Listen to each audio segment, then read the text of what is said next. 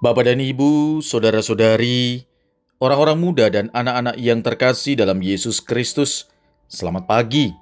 Salam bahagia dan salam seroja untuk kita semua, berkah dalam.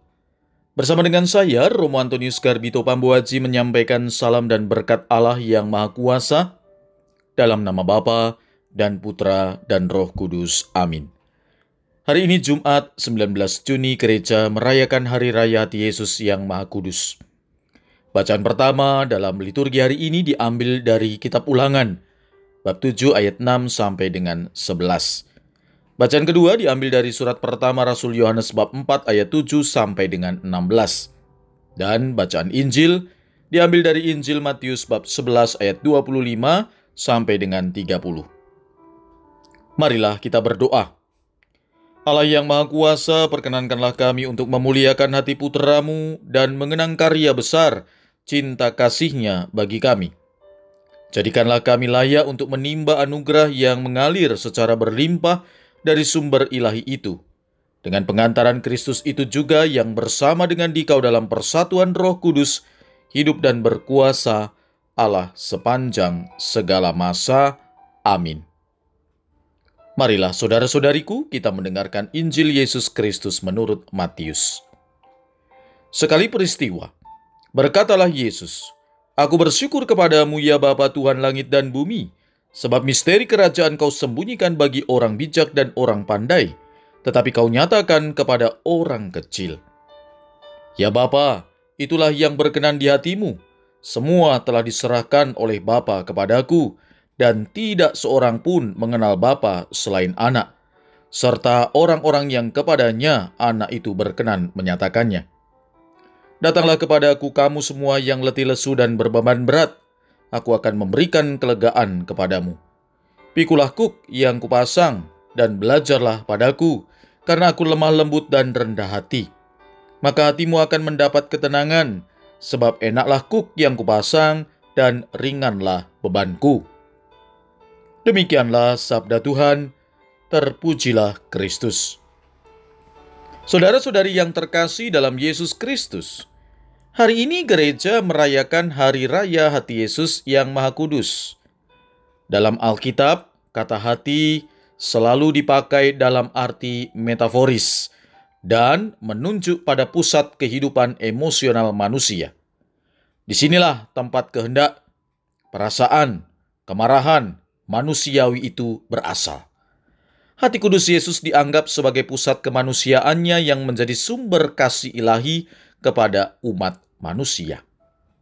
Surat pertama Rasul Yohanes dalam bacaan kedua hari ini memperkenalkan identitas Allah sebagai kasih. Kita diharapkan hidup saling mengasihi, karena kasih itu berasal dari Allah. Dialah yang pertama-tama mengasihi kita, oleh karena itu, apabila orang hidup saling mengasihi, berarti ia berasal dari Allah.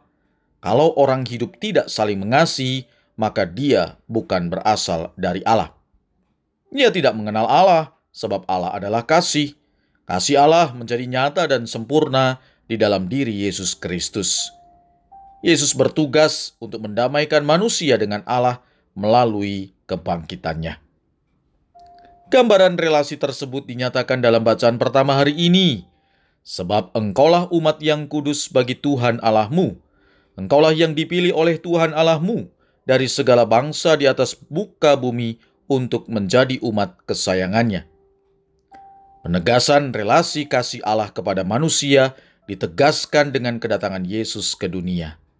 Demikian pula dengan semua yang dilakukannya, terdorong oleh kasihnya dan perasaannya yang mudah tersentuh oleh belas kasihan. Yesus sendiri dalam Injil hari ini mengundang orang untuk datang kepadanya. Datanglah kepadaku, kamu semua yang letih lesu dan berbeban berat. Aku akan memberikan kelegaan kepadamu. Ia tidak menawarkan beban, tapi menawarkan ketenangan bagi jiwa. Oleh karena itu, hendaknya kita datang pada Yesus, apalagi berbeban berat, dan mengalami kesusahan hidup. Namun, harus diakui, ada saja orang yang mencari solusi atas masalah hidupnya dengan datang kepada roh-roh lain, kepada paranormal, ilah-ilah dunia. Mereka baru datang kepada Yesus bila roh lain atau ilah dunia itu tidak mampu mengatasi masalah hidupnya. Semoga tidak demikian dengan kita. Saudara-saudariku yang terkasih dalam Yesus Kristus, perayaan hati kudus Yesus mengajak kita merenungkan pengalaman hidup kita yang sungguh diperhatikan oleh Allah dengan kasihnya yang tanpa batas. Ia rela mengorbankan diri demi keselamatan kita.